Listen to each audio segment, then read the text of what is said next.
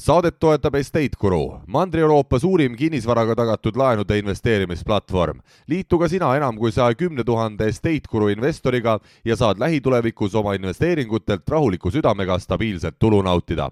vaata lisa estateguru.co ja kinnisvarajutud podcastis seitsmekümne neljas osa on eetris, eelmine kord natukene plähmerdasime selle numbriga, aga nüüd on kõik õige, aga erinevalt võib-olla nii-öelda tavapärastele saadetele on asjad maailmas väga karmiks ja ärevaks läinud ja seetõttu ilmselt eri, erilist naljategemist meil eh, siin osas seekord ei tule, sest eh, vaja on rääkida tõsist juttu saatejuhtidena endiselt siis eh, Siim Semiskar ja Algis Liblik, tere Algis! tere Siim!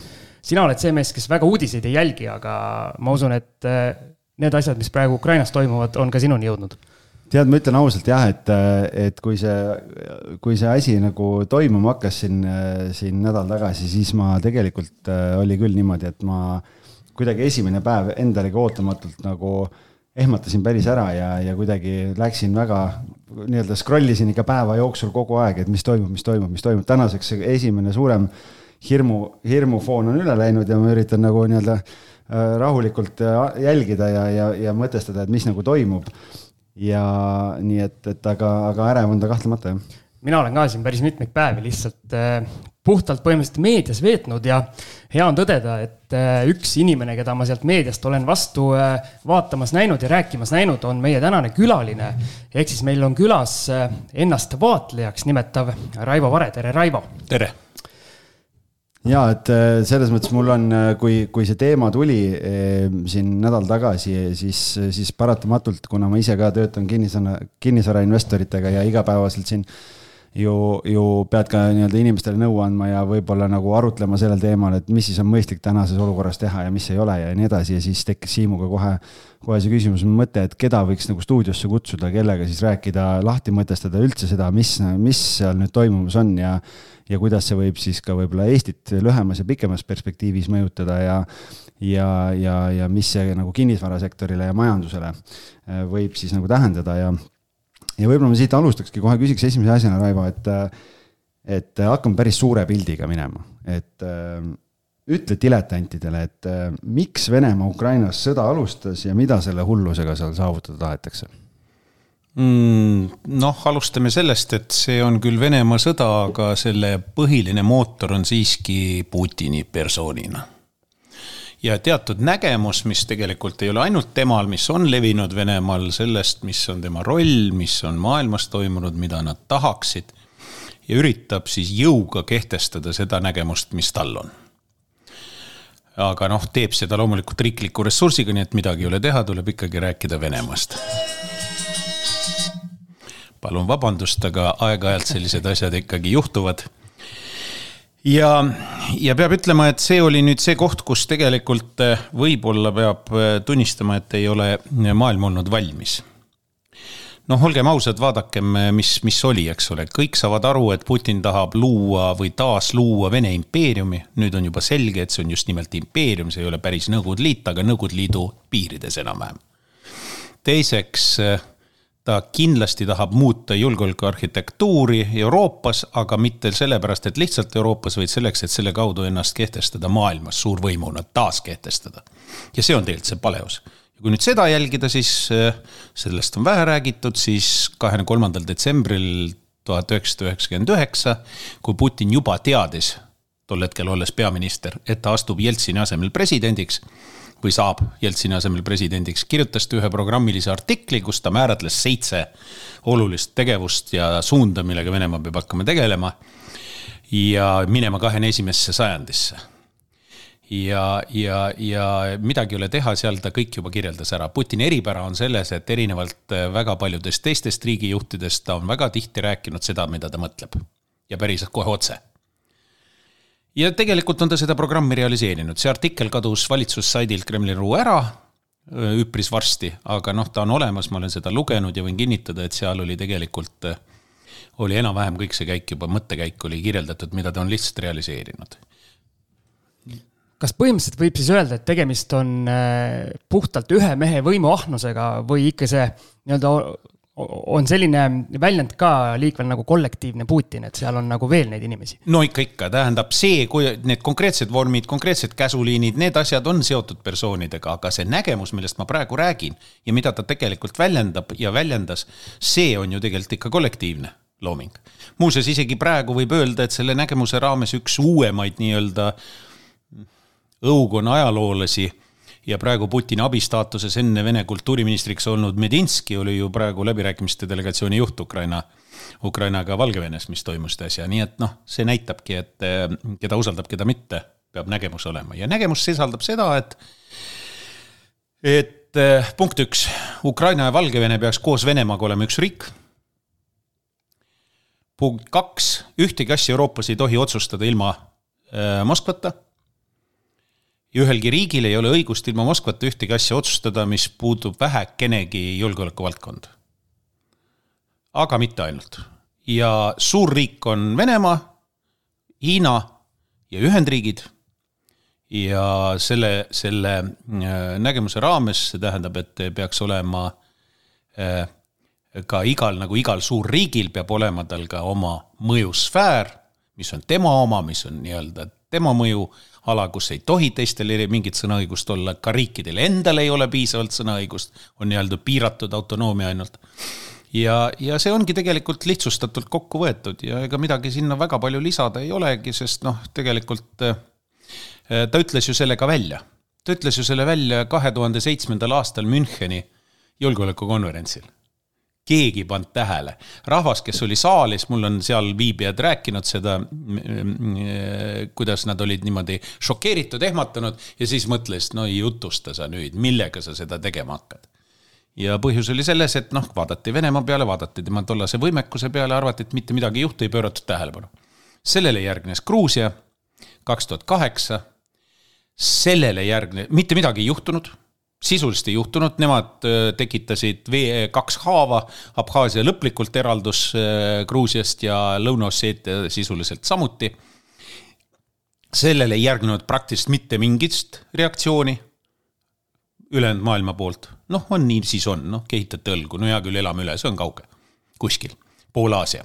siis tuli järgmine samm, tuli kaks tuhat neliteist, kus võeti üle Krimm, kõiki ehmataval viisil aga see stsenaarium oli töös juba kahe tuhande kuuendal, kuuendast aastast ja tegelikult on olemas ka Ukraina vastaspoole julgeolekuülema siseministri, kaitseministri ja kunagise ka peaministri Martšuki äh, memuaarid, milles ta ütleb, et esimene katse tehti juba üheksakümne viiendal aastal Krimmis aga sel meil pole aega sellest rääkida, nii et see on kogu aeg olnud plaanis. ja siis, ja jälle ei järgnenud suurt midagi, see, mis järgnes, olid sanktsioonid, mis noh, ütleme niimoodi, et kui nüüd vaadata seda asja sisu, siis ei olnud üldse tõsiseltvõetavad. see oli ikka suhteliselt naljanumber. mida ka muuseas võeti nüüd uuesti arvesse ja nüüd lõpetades seda passaaži ütleks, et nüüd oli kogu see loogika selline, et nüüd läheb jälle nii ja kui keegi üldse kuulajaskonnast jälgis seda millegagi esimest korda elus faktiliseks Vene valitsuseks oleva julgeolekunõukogu istungit, mida kanti üle, tegelikult oli küll lindis ähm, televisioonis, siis seal oli ju juba äh, esinejate kõnedes oli ju igast asju lipsas läbi sest nad olid juba selleks hetkeks tegelikult, äh, me teame, et olid teadlikud, et sõjaotsus on juba tehtud, sõda alga-, äh, algatatakse ja siis nad olid natuke närvis ja siis võib-olla ei suutnud ennast kontrollida. Ja noh, muuhulgas noh, seal välisluurejuht Narõškin seal sattus niimoodi löögi alla ja nii edasi ja nii edasi, aga tegelikult kõige programmilisema asja mõneti peale Putini ütles ju tegelikult hoopiski endine president ja praegune julgeolekunõukogu eh, pealiku asetäitja Dmitri Medvedjev eh, eh, kelle lühend venekeelses politoloogilises terminoloogias on DAM, Dmitri Anatoljevitš Medvedjev, DAM.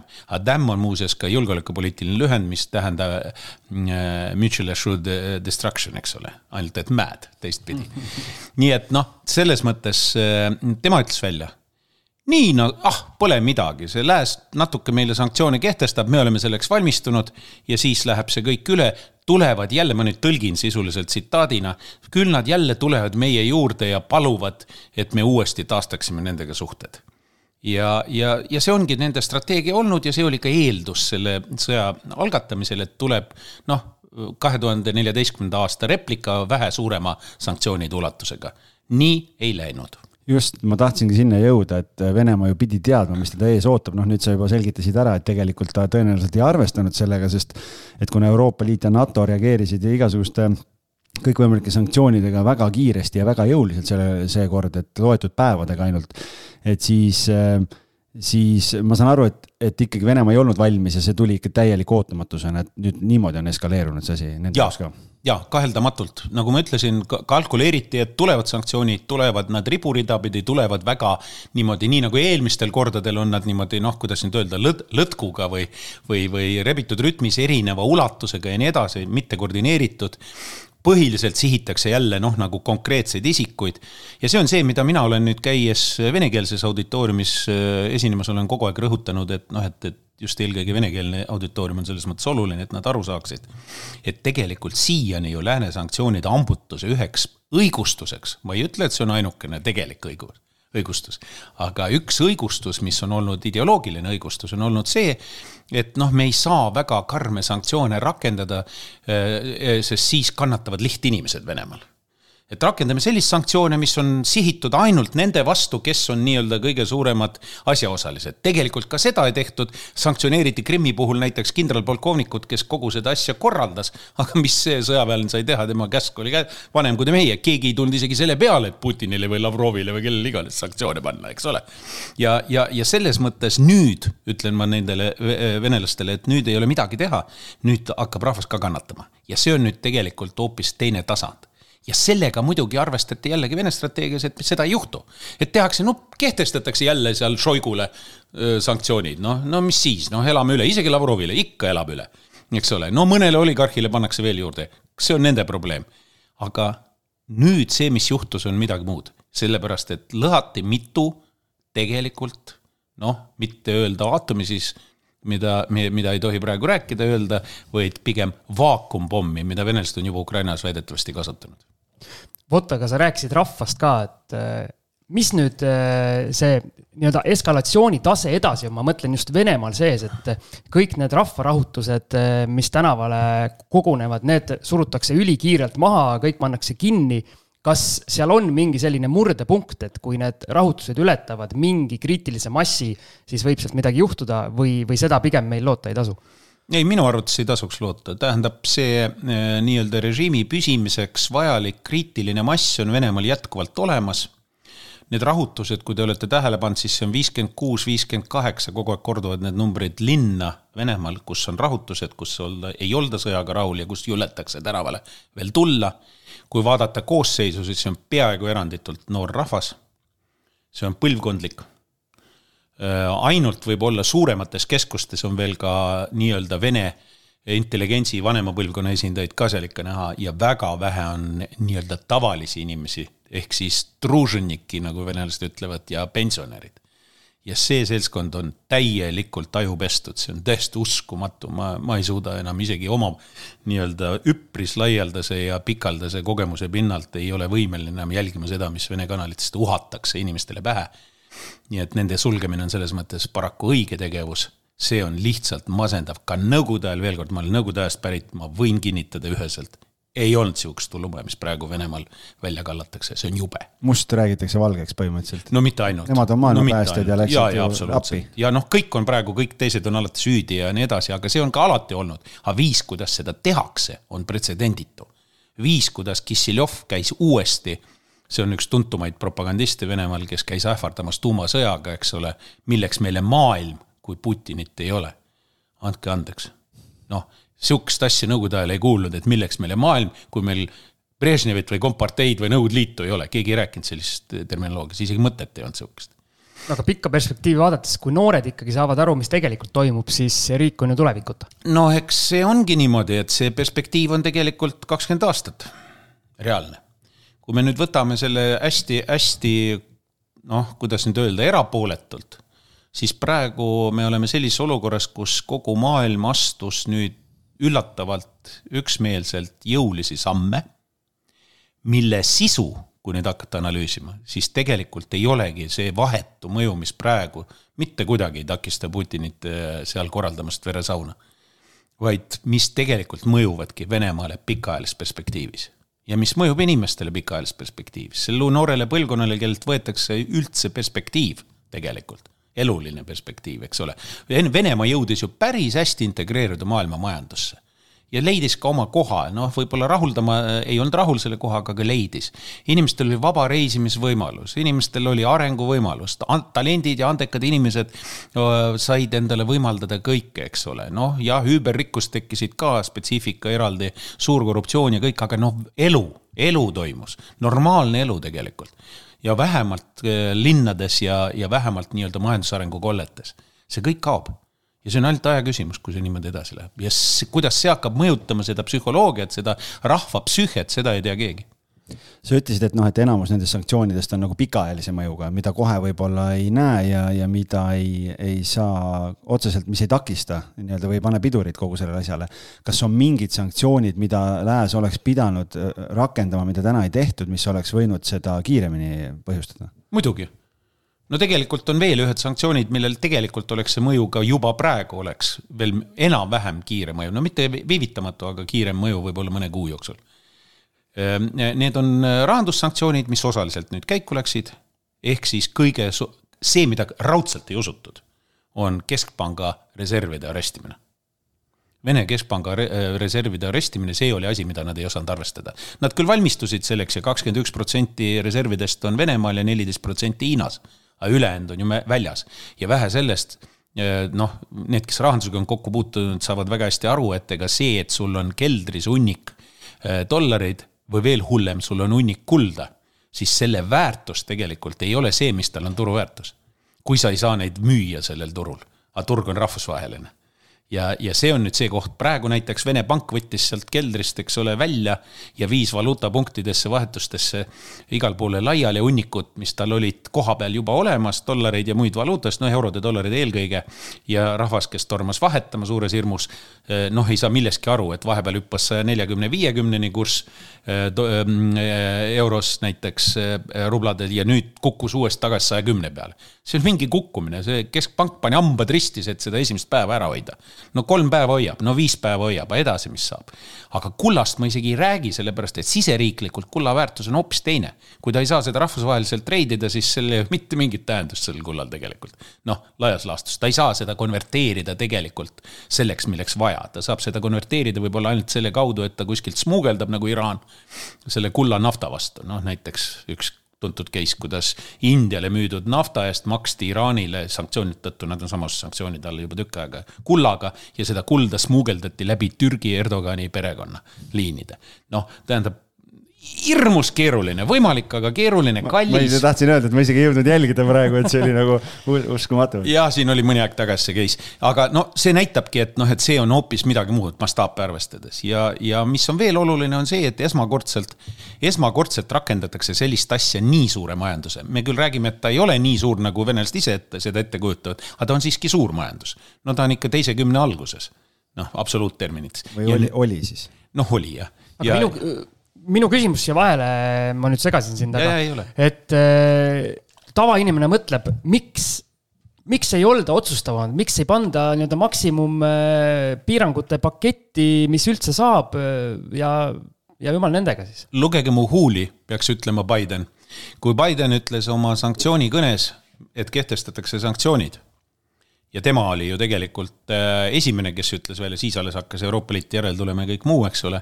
siis, siis Bideni kõnes on öeldud, et on välja, jäetakse sanktsioonide alt, täieliku sanktsioneerimise alt, kui täpne oli seal mingid noh, detailid, aga põhimõtteliselt jäetakse täieliku sanktsioneerimise alt välja kolm asja. ja mis ta ütles? ta ütles esiteks energiakandjad, teiseks ütles, et see on alumiinium ja kolmandaks ütles, et see on teravili, kui täpne olla, siis nisu miks? sellepärast, et ja ta ütles selle ausalt välja, selle ja neil tulevad vahevalimised sügisel, ärge unustage. et, et need on need valdkonnad, kus kõige raskemad tagajärjed on ka peeglis, ehk siis löövad valusalt ka Ameerika tarbijaid. ja ütles selle välja ja täpselt sama lugu on ka Euroopaga. Euroopal on energiakandjate probleem, nii et kui me rääkisime enne pangandust, siis teine kiire reaktsiooni asi oleks, oleks muuseas energia, vaat et veel kiiremgi mõneti. ja põhjuseks on see, jällegi pikk jutt ja mitte erialalistele inimestele väga palju pinget ei paku.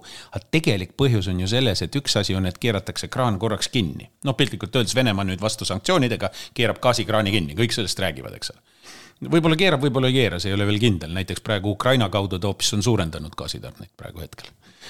aga, aga miks ta, miks ta, mis siis järgneb? järgneb see, et umbes kahe kuu jooksul hakkavad tulema meeletud tagasilöögid, sellepärast et selleks, et gaasi või naftat pumbata tehnoloogiatega, mis on Venemaa käsutuses, on vaja pidevalt hooldada seda, millega toetatakse. pidevalt on vaja igasugust equipment'i, mis, mida kasutatakse. ja, ja pidevalt on vaja teha nii-öelda tööd, uurimis- ja muud tööd. ja see tegelikult on asi, mis põhineb eranditult praktiliselt suures osas lääne tehnoloogial.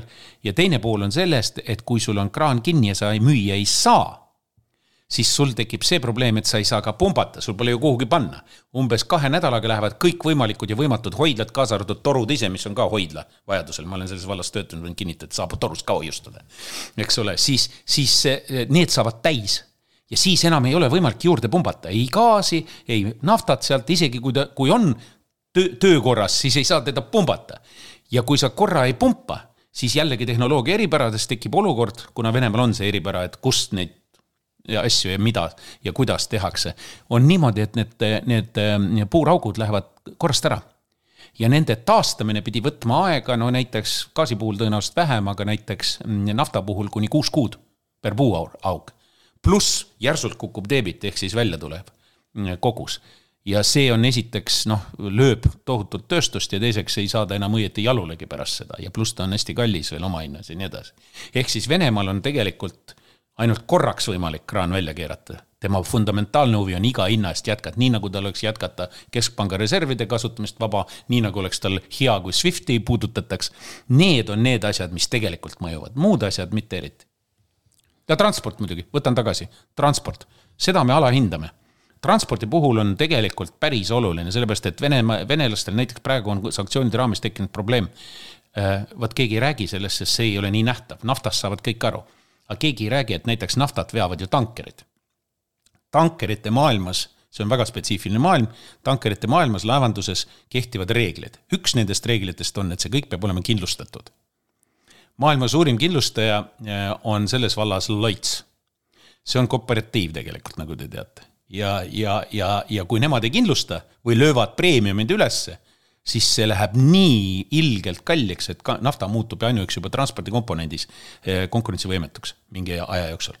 ja praegu on juba väidetavasti näiteks see probleem tekkinud nii et me oleme praegu hoopis teiste, tähendab, seda nimetatakse teisaseks sanktsioonide ringiks, et esmapilgul sanktsioneeritakse mingit näiteks naftat või midagi muud või rahaülekandeid. antud juhul see tankrite teema on seotud ka rahaülekannete teemadega aga et see hakkab mõjuma nagu kontsentrilist ringi pidi, viskate kivi vette ja siis ringid lähevad laiali, vot see on see koht, mida venelased ei osanud arvestada ja mis praegu tekitab täiesti uue olukorra.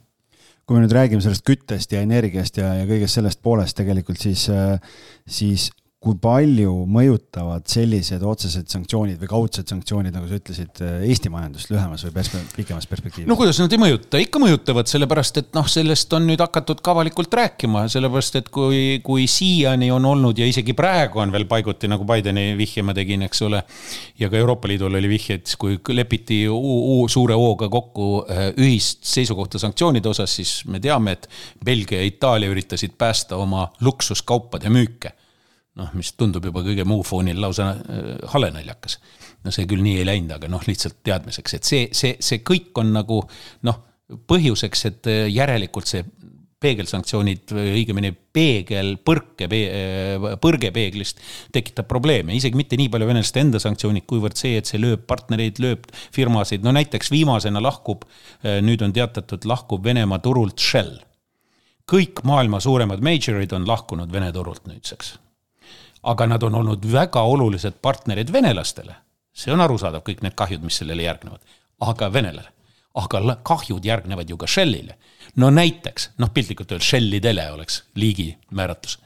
Shellidele ja BP-dele kõikidele järgneb sellepärast, et nende varade nii-öelda bilansiline väärtus põhineb ju ka sellel osalusel Venemaa piiratute, piiramatute ressurssidega seotud kompaniides, pluss sealt tehtavates maardlate kasutustes ja nende varude arvele võtmises. seda näiteks ei teata, et näiteks börsiväärtus on üks kõige tähtsam asi, on vastava firma äh, tõestatud varude olemasolu. ja seal on teatud oma metoodikad, kuidas neid arvestatakse, võrreldakse ja nii edasi. ja see lendab paugust välja ja see on päris suured osakaalud lääne firmadel nüüd tänaseks. on, on lääne suurfirmadel on Venemaa nõndanimetatud asset'id, mis on siis põhilised osalused, tänane Äh, upstream, mis tuleb, mis nad siis teenivad nii-öelda sellest ja siis lõpuks, mis on veel kõige tähtsam pikas perspektiivis, varud. see kõik tuleb maha kirjutada. Te olete majandusinimesed, kujutage ette, kui teil kirjutatakse kakskümmend, kakskümmend viis protsenti bilansi mahust kirjutatakse kahjumisse. kirjutatakse sisuliselt ühe raksuga maha. ikka väga rasked otsused ja väga keeruline. nii et lööb igal juhul ja teine pool asjast on, et noh, et tekib äh, defitsiit mõneks ajaks potentsiaalselt. seda kardetakse seda tegelikult juba ette riskianalüüsis võetakse. Futures'id jooksevad ju täna jälle üles, sellepärast et kardetakse, et, et ikkagi tekib energiadefitsiit. Ja miks tekib, sellepärast et Venemaa on gaasitootja number kaks ja gaasieksportöör number üks maailmas ja, ja naftatootja ja eksportöör õige number kolm. Ja seda kardetakse, et kui nüüd midagi sellega juhtub, siis seda kohe asendada ei ole võimalik, järelikult tekib turul defitsiit, järelikult hinnad lähevad üles, järelikult tuleks juba ette seda arvestada olen ma õigesti aru saanud, et kogu muu maailm, noh, peaaegu kogu muu maailm on nüüd arvestanud, et võetakse see ebamugavus äh, sisse, et siit enam äh, nii-öelda tagasiteed ei ole, et see nii-öelda point of no return on justkui möödas? ma arvan küll, ma arvan küll, sellepärast et äh, see ongi kõige suurem venelaste strateegiline möödapanek. et nad ei uskunud, et selleni jõutakse võis veel nii-öelda noh, arvata, et tulevad karmimad sanktsioonid nende poolt vaadates, aga et minnakse lõpuni, et see point of no return tuleb kohale nii kiiresti, nii jõuliselt, nii ühtlaselt vaat üks mängumaa eripära rahvusvahelises nii-öelda majandusruumis on veel see, et noh, et üks näiteks kehtestab, teine ei kehtesta, siis saab ju ümber orienteeruda, mängida saab. aga nüüd see mängumaa ahenes meeletult ja noh, kõik lootused on praegu Hiinal. aga Hiina on hoopis omaette, Hiinast peaks eraldi rääkima, sellepärast et Hiinal on nagu kaks paralleelset, kolm paralleelset, tähendab, tegu on hiinlastega, kes on eales nendega asju ajanud ja kes natukene tunneb nende ajalugu nii vähe kui üldse meiesugused äh, läänlased tunnevad seda ajalugu ja, ja, ja psüühiat, siis, siis seal on veel omaette täiesti maailm.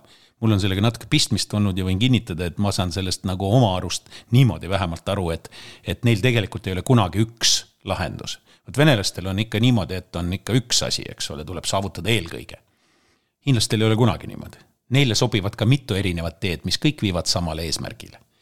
teate, vene muinasjutus on ju niimoodi, eks ole, et, et vägilane jõuab teeristile ja seal on kirjutatud teeristi kivi peale, et kui vasakul lähed, saad surma, kui paremale lähed, saad rikkaks, kui otse lähed, saad õndsaks, eks ole, noh.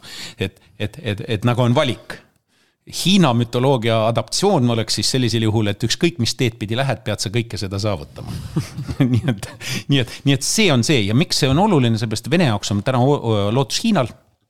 aga hiinlaste jaoks on Venemaa kasulik idioot.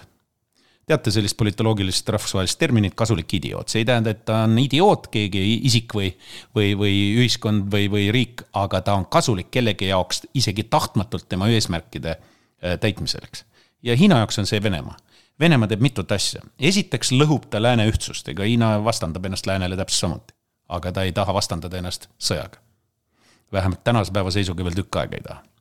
teiseks, Hiina Hiinale on see kasulik sellepärast, et Venemaa tõmbab kõik tähelepanu enda peale, vaadake, praegu me ei kuule enam midagi, aeg-ajalt karjatused, aga Taiwan järsku ja siis jälle kõik kaob põhiliselt vahitakse, eks ole ju, mis toimub siin ja täiesti loomulik, et see on kogu tähelepanu ju veel pikaks ajaks, needsamad pikad sanktsioonid, pingete säilimine pikaks ajaks. Putini strateegia, mille ta sügisel välisministeeriumi nõupidamisel ütles välja, et meie ülesanne on pikki piire läänlaste pinges hoidmine kõikide vahenditega. see on praegu strateegia, see kõik sobib, sest see tõmbab tähelepanu ära ja kuna Hiina on positsioneerinud ennast, eks ole, arusaadavalt Ameerika on ka seda teinud üksteise suhtes põhilisteks vastasteks, oponentideks ja lääs on Ameerikaga, siis talle sobib, et läänt lõhub ja läänt hoiab pinge all ja tähelepanu tõmbab enda peale Venemaa.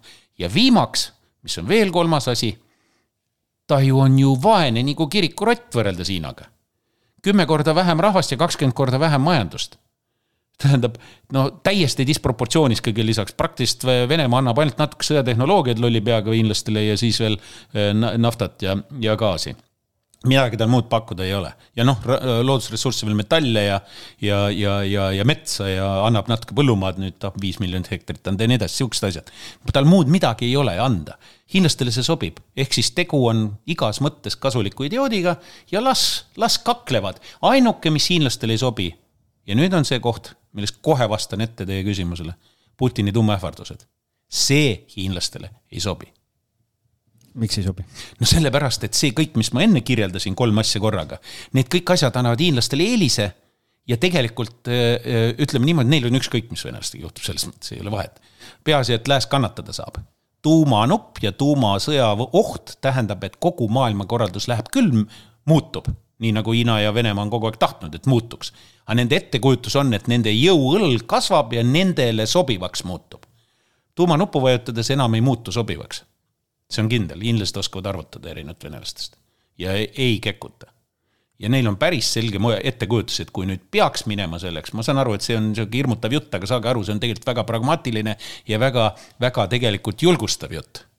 sest noh, ilma Hiinata Venemaa hakkama ei saa, ta peab sellega arvestama ta võib praegu mängida seda mängu, et ähvardab selleks, et saada ameeriklased läbirääkimiste laua taha, sest praegu põhilöök jällegi Venemaa poolt vaadates ei ole üldse Ameerikast, põhilöök on ju kuradi vastikud eurooplased, kes ei ole keegi nende jaoks. ja nüüd nad tahavad Ameerikasse tagasi, selleks on vaja tuumaga ähvardada, aga hiinlastele see ei sobi ja nemad ei taha seda, nii et ma arvan, et see asi mõne aja pärast käib maha. aga niikaua muidugi veri lendab ja, ja jõledusi sooritatakse Ukrainas paraku ikka okei okay,, ma saan aru, et nii-öelda sina tuumasõja ohtu ei usu aga. Öeldi välja muuseas, ma ütlen kohe ära, see öeldi välja, seda küsiti Joe Bideni käest eile. Joe Bideni käest küsiti, kas on põhjust Ameerika, kas ameeriklastel on põhjust karta tuumasõda?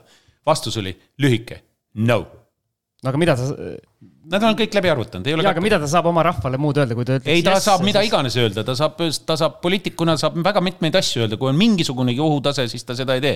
aga selles mõttes on nad hiinlastega solidaarsed ja kui need kaks, G2 on nii-öelda nagu nüüd uus tegelik maailma valitsemisvormel on, on öelnud, et, et, et ei ole kumbagile see sobiv ja, ja, ja mõlemad seda halvaks peavad, siis see on juba piisav garantii, ei julge need venelased ka üle piiri astuda okei okay,, tuumasõda ei tule, aga siin äh, on, on Putin juba jõudnud ähvardada ka Soomet ja Rootsit, kes on äh, järjest kiiremini hakanud NATO poole vaatama. ja nii Soome kui Eesti, me omame Venemaaga väga otseselt piiri ja eestlasena nii-öelda me kindlasti tahame nii-öelda teada, kui suur reaalsus on see, et Putin seda nii-öelda sõda suurendab äh, uutel rinnetel, kas siis Baltikumi või, või miks mitte ka Soome suunas siis no sellele tegelikult mul seal äh, Facebooki sõpradest keegi pani üles oma Soome sõbra ütluse selle kohta. et äh, ta, soomlane rääkis iseenda positsioonist, soomlaste positsioonist NATO-sse mineku seoses. enne me ei julgenud selle, see, sinna minna, sest me kartsime, et venelased tungivad kallale. nüüd me tahame sinna minna, sest me, me kardame, et nad tungivad kallale ja noh, seal on teatud tõetera, aga noh, fakt on see, et nüüd pärast Ukrainas toimuvat kõik peaksid aru saama, et kui meil ei oleks NATO-t siis oleks pilt täiesti teistsugune, meil üldiselt ei oleks väga mõtet siin sellest kinnisvara teemast arutada me ei ole veel kusjuures kinnisvarani jõudnud, nii põnev ei tea, kas jõuamegi, et mm. -hmm. nii et minu meelest, minu meelest on, äh, tähendab niikaua, kuni äh, ei teki kahtlust, et ameeriklased, nota bene, mitte NATO kui selline, vaid just nimelt ameeriklased tõmbavad stepsli välja ja see on kõige suurem oht seoses Trumpiga. siis see niikaua tegelikult ei ole mingit šanssi ka venedel, et nad tema nina siia topiksid. aga noh, me ei tea ju, kuidas maailm edasi läheb, aga praegu tundub, et siiski läheb ikka samas suunas edasi. kahju küll, jah, Ukraina on siin ohver, Ukraina on löögi all, inimesed kannatavad, tohutu tagasilöök, me peaks rääkima laiemast tagasilöögist maailma majanduses, aga noh, see ei ole kindlasti see kõige hullem asi ja aga räägime sellest äh, tagasilöögist maailma majanduses, sellepärast et äh, noh, ega viimasest suurest äh, kriisist on ju neliteist, viisteist aastat on möödas siin, et et nüüd ongi küsimus, et millist mõju ja mis sa hindad, et millise aja pärast me tegelikult näeme selle sõja mõju üldse kogu Euroopa või maailma majandusele? no tegelikult see mõju hakkab tulema umbes niisuguses aastases tsüklis. praegu esialgu, no mina võin arvata mida iganes, ma loen, mida targemad arvavad targemate puhul on äh, rahvusvaheliselt niisugune konsensus hakkab vaikselt tekkima, et nüüd see vahepealne majandustõus, mis oli seoses pandeemiaga, eks ole, või pandeemia tagajärgedest ülesaamisega. noh, täna tuleb uudis Eestis, oi, kaheksa koma kuus protsenti ja see, see kriis, eks ole, või tähendab kriisist väljumine, mis toimus, et noh, see pidurdub tähendab, see tempo, see äh, juba võib öelda mitte ainult taastumise, vaid kasvamise, majanduse kasvamise tempo, mis siin vahepeal olid Äh, hullunumbrid, nüüd edasised numbrid olid nagu jälle normaalsemad, aga suhtes kõrged muuseas, tervikuna maailmas ja meil sealhulgas. Euroopa Liidus isegi ja Eestis ka ammugi, siis need võtavad tempot maha. Need võtavad tempot maha raudselt miks? seal on väga palju põhjuseid ja noh, üks nendest põhjustest on see, et me oleme ka reaalselt ja kinnisvarainimesed ka teavad, et finantseerimismaailm on nagu omaette maailm, mis mõjutab, see on nagu vereringe. et noh, see mõjutab kogu ülejäänud organismi tegevust, majanduse kui terviku nii-öelda organismi toimet. ja finantseerimismaailmas toimub väga palju asju, mis praegu halvendavad olukorda teistpidi jälle aga on, on häid asju, no näiteks nüüd on juba täiesti ühemõtteliselt jõutud järeldusele, et just nimelt kõik ju panid tähele, et seoses sellega, et inflatsioon kiirenes ja majandus taastus, hakati rääkima sellest, kui kiiresti ja kui palju Fed ja võib-olla ka kiiremini ja, ja, ja, ja rohkem tõstab ka Euroopa Keskpank, eks ole, intresse. ennäe imet, vahepeal Fedist räägiti, et sel aastal seitse korda tõstab praeguse seisuga juba, juba Ameerikas kirjutavad Bloombergid, et eks ole, et ei vist ikka viis-seitse korda ei tõsta ja võib-olla nii palju ka ei tõsta. midagi ei ole teha, eks ole, inflatsiooniga võitlemine on üks teema, eks ole, aga majanduse tempode kasvu langemise tõttu päris neid meetodeid kasutada ei saa, nagu oleks tahtnud ja nüüd hakkab uus trade-off, ega me ei tea ju, keskpankurid istuvad ja sügavad kukalt täpselt samuti nagu kõik teisedki. aga miks see meile on oluline, sellepärast et noh, ka natuke kinnisvaras sehkendades ütleks, et, et noh, kinnisvara jaoks on see elu küsimus, kui, mis on raha hind ja, ja, ja, ja kui see raha hind on üks, on üks asi, kui on raha hind teine, siis on teine asi. no näiteks venelastel nüüd praeguse seisuga tõsteti äh, juhtivate hüpoteeki, pankade hüpoteeki andvate pankade intressimäära kahekordistada praktiliselt, üleöö, isegi rohkem noh, kujutage ette, mis see tähendab tegelikult, noh, ükskõik, mis see muu on, eks ole, aga see on noh, elu, elu ju läheb oluliselt keerulisemaks. baasintress tõsteti üheksa ja poole protsendi pealt kahekümne peale, seda on rubla kaitseks vaja. aga sellel on ju äh, tagajärjed ka teistes suundades, eks ole. kui sul on baasintress kakskümmend ja, ja, ja, ja, ja see olukord, mis praegu on, eks ole, kusjuures ega raha kättesaadavus ei parane, vaid halveneb seejuures. noh, eks ja, ja kõik muu ka halveneb ega keegi ei oska öelda, kuidas see kõik täpselt välja näeb, ehk siis ja see kõik lõpuks lööb ju kõiki, kes enne selles majandusringluses olid Venemaaga seoses, kõik saavad tagasilöögi, tõmbab temposid alla, äh, majandusmahtusid tõmbab alla. see käib kõikide kohta. Ja see tähendab ka, et Eestil, aga Eesti sõltuvus Vene majandusest on suhteliselt väike. Aga küll aga noh, Eestini jõuavad need asjad, mis on, mis on ülemaailmse või üle-euroopalise tähendusega. Kui me räägime Eestile avaldatavatest mõjust. Üks asi, mis ma tahtsin ära küsida, siin on hea koht seda teha, kuna sa natukene ise puudutasid seda, mind huvitab see tavalise vene inimese perspektiiv just nii-öelda igapäevaelulisest vaatest, et kui nüüd venelane ärkas, ma ei tea, kus iganes, Moskva äärelinnas või Peterburis või kuskil kaugemal, ärkas hommikul üles pärast seda, kui need sanktsioone hakati panema, rubla on põhimõtteliselt ribadeks kukkunud, mida see tavalise inimese jaoks tähendab, sa ütlesid, et neid nii-öelda intresse tõsteti. kuidas see tavalist inimest seal Venemaal mõjutab? Otseselt ja kohe no meil on kaks asja, tähendab, kui me räägime majandus, kohe majandusmõjust, siis on üks, aga see, kuidas inimene tõlgendab, siis midagi ei ole teha, viiskümmend protsenti äh, vene lihtrahvast tõlgendab seda kui vastiku lääne järjekordset surveavaldust meile. see on, see on tegelikult tõsi sellega peab arvestama, see on nii ära pestud, see maailm, et see on lihtsalt jube. ja see kurjus kasvab. ja, ja kurjus ja viha kasvab, eks ole, ja noh, kui muu jats, lähme röövima stiilis. Aga noh, selles mõttes esialgu omavahel, ma arvan, ja tükiks ajaks on seal ka pingeid selle kasvu, aga selles mõttes, kuidas mõjub, on ju väga lihtne. kõik see, millega millega sa oled harjunud, see, millega normaalne inimene on harjunud. linnas on noor harjunud lattet samuti jooma nagu meil. jääb ära või läheb kuradi kaks korda, kolm korda, varsti viis korda kallimaks. ümperinflatsioon on praegu teoreetiliselt täiesti võimalik, ta ei juhtu kohe, aga ta juhtub mõne aasta sees võib juba juhtuda. Hüperinflatsioon. Venemaal on hüperinflatsioon olnud ja mitu korda. ja viimane kord, kui oli hüperinflatsioon, see ei olnudki nii ammu, see oli tuhat üheksasada üheksakümmend kaheksa default. kui Venemaa, Vene, Venemaal oli hüperinflatsiooni hetk ja, ja, ja, ja kahe tuhande kolmandal aastal alles baasintress langes tasemele, mis on nüüd madalam kui see praegu kehtestatud kakskümmend nii et, nii et tegelikult see, nad on seda veel mäletavad, nad on selle läbi elanud, nii nagu meie mäletasime veel eelmisi kriise ja olime paremini selleks valmistunud, kui meil oli see masu, eks ole, ja selle tõttu tulime küll vaevaliselt ja veritsedes, aga tulime palju paremini välja kui paljud teised. täpselt samuti on ka venelastega ja nad on üldse harjunud kasinamalt elama, juba nõukogude ajast peale alati on elatud kasinalt. ja see mõtteviis on selline, et noh, kurat, kannatame ära, kannatame ära, noh.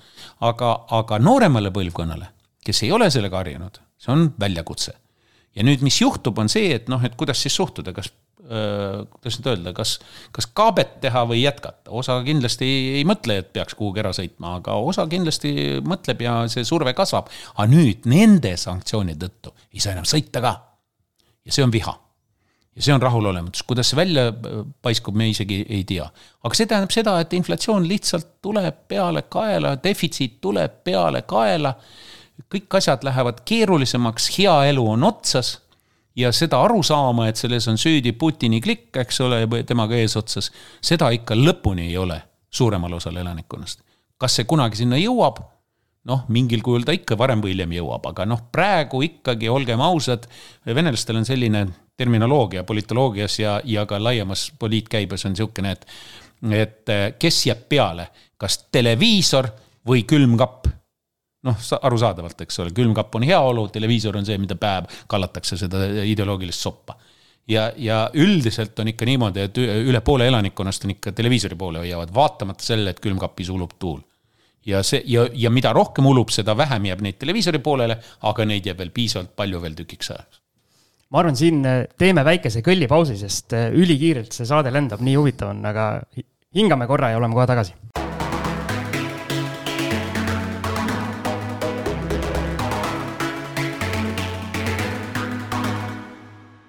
ja oleme kõllipausilt tagasi. enne kui me nii-öelda lähme veidi võib-olla konkreetsemalt kinnisvara puudutavate asjade juurde, mul on selline üsna konkreetne küsimus, et eh, kui nüüd Ukrainas hetkel sõjategevus käib, Eesti näiteks ehitussektor ikkagi tugineb üsna palju ukrainlastest ehitajatele, on palju kuulda olnud, kuidas nad siit Eestist on juba ära läinud eh, oma kodumaad kaitsma, et kas eh, selline lühiajaline probleem ehitussektoris on reaalne või mis see sinu hinnang on? kindlasti on reaalne. ma arvan, et on reaalne, sellepärast et ikkagi võõr, võõrtööjõust enamuse moodustavadki ukrainlased. ja tegelikult me võiksime ka vaadata analoogiat, mis puudutab eestlasi endid. nimelt, kui siin masu oli, mäletate, kui oli masu, see oli üsna hiljuti veel, siis masu ajal oli soomlastel tekkis mingi hetk probleem Kalevipoegade probleem ehk siis eestlas, Eesti tööjõu probleem. täpselt sama asi, lihtsalt teine, teine seltskond. ja, ja see tähendab seda, et noh, niigi juba üles lennanud ja ka jätkuvalt tõenäoliselt kasvavad ähm, äh, materjalide hinnad saavad olema võimendatud siis, siis selle, selle tööjõu äh, hinnakasvuga, sest noh, ega seda kviteerida millegi muuga ei õnnestu kui, kui, kui äh, tööjõu hinnaga. samas, kui ma nüüd hästi küüniliselt edasi arutlen, siis konflikti pikenemisel ja akuutse faasi möödumisel ehk siis sõja lõppemisel ükskõik mis tulemustega oodatakse Euroopasse kuni viis miljonit Ukraina põgenikku, kellest umbes poolteist miljonit on mehed äh, parimas tööeas, ülejäänud on naised-lapsed aga minu, minu, minu küsimus siia vahele, kus on see loogika, et kui sõda lõpeb, siis inimesed põgenevad ära, kas ei ole mitte nii, et vastupidi, needsamad ehitajad jäävad ka sinna nii-öelda Ukrainat uuesti üles ehitama, sest ma eeldan, et see Euroopa toetus äh, selle riigi ülesehitamiseks äh, saab olema päris, päris mõjukas? mõne aja jooksul tõenäoliselt, juhul kui. tähendab, mõne aja jooksul, sellepärast et iga asi võtab aega teiseks, eks ole, viis, kuidas see saab juhtuda, tõesti põhineb sellel, kui kaugele minnakse selle ülesehitustööga. ja, ja, ja nii-öelda piltlikult öeldes me oleme näinud, kuidas näiteks Iraagi puhul on toiminud ja kui see samasugune mudel käima läheb, siis kindlasti on sellel jumet, sellel väitel. aga see sõltub ju poliitilisest lahendusest ma ei ole kindel, et kui peaks tulema see, mida praegu venelased Ukrainas kavandavad ja nüüd me räägime sellest korraks, enne kui lähme kinnisvara juurde, siis Vene plaan on tegelikult luua ja nüüd, nüüd selle ametlik nimi on äh, äh, Föderatiivne Ukraina Vabariik. ja selle vabariik ja see luua Ukrainas ja, ja, ja seda praegu äh, teatud selle väljakuulutamise manifesti üritatakse Vene vägede poolt juba hõivatud territooriumidel panna arutusele kohalike võimuorganite poolt. see on stsenaarium muuseas, mille mille juuri võib leida Eestist, aga meil ei ole lihtsalt nooremale publikule oli huvitav ajalooline ekskurss, miks see nii on. Ah, töökollektiivide nõukogu töö see ja see Ülo Nugis, kui keegi tahab, siis sealt võib vaadata, see, mida meie siis tegime, on väga sarnane sellele. ja venelased võtsid selle üle ja proovisid seda kaks tuhat neliteist teha juba Harkovis, samasugust asja, aga ei õnnestunud ja nüüd nad proovivad nüüd uuesti, selleks on neil ka Kiievit vaja, et panna siis vastav sobiv valitsus, kes siis seda kõike toetaks ja, ja vastavad liigutust teeks. ehk siis muuta see riik ära, sellesse riiki need inimesed, kes lähevad läände, valdavalt tagasi enam ei tule. kui nüüd jääb selline variant, mida ka venelased üks, ühe stsenaariumina käsitlevad, et vasakpoolne kallas ja Lõuna-Ukraina jääb nende okupatsiooni alla ja jääb selleks mis iganes föderatiivse vabariigi nimetuse all olevaks protektoraadiks, siis noh, siis ülejäänud Ukrainas on umbes üks kolmandik ehk Lääne-Ukraina jääks siis nagu ta on see jälle ei absorbeeri kogu seda massi enam tagasi. pealekauba need inimesed, kes praegu põgenevad, ei ole valdavalt siiski üldse selle kandi inimesed, need on ikka rohkem, rohkem venekeelsed, rohkem ida poolt.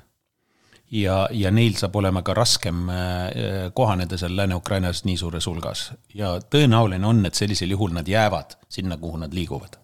nii et vastus, pikk vastus sellele küsimusele on, et teoreetiline mudel on muidugi selline, aga praktiline võib ju osutuda teistsuguseks. aga sellele ei saa rajada ju äriarvestusi.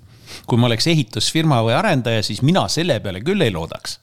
et see nii-öelda, et läheb nii halvasti ukrainlastel, et, et nad jäävad kõik äh, sinna ja, ja, ja kuni sõda kestab ja sõda võib muuseas veel päris tükk aega kesta, see ettekujutus, et sõda võidetakse lihtsalt mingite objektide valletamisega, Ukrainasse tõenäoliselt nii ei lähe. on ajalooliselt ära unustatud, et Lääne-Ukrainas võis küll, jah, aga Lääne-Ukrainas oli Stalinile vastupanu. viiekümne kuuenda aastani regulaarvägedele täislahingud kauritega.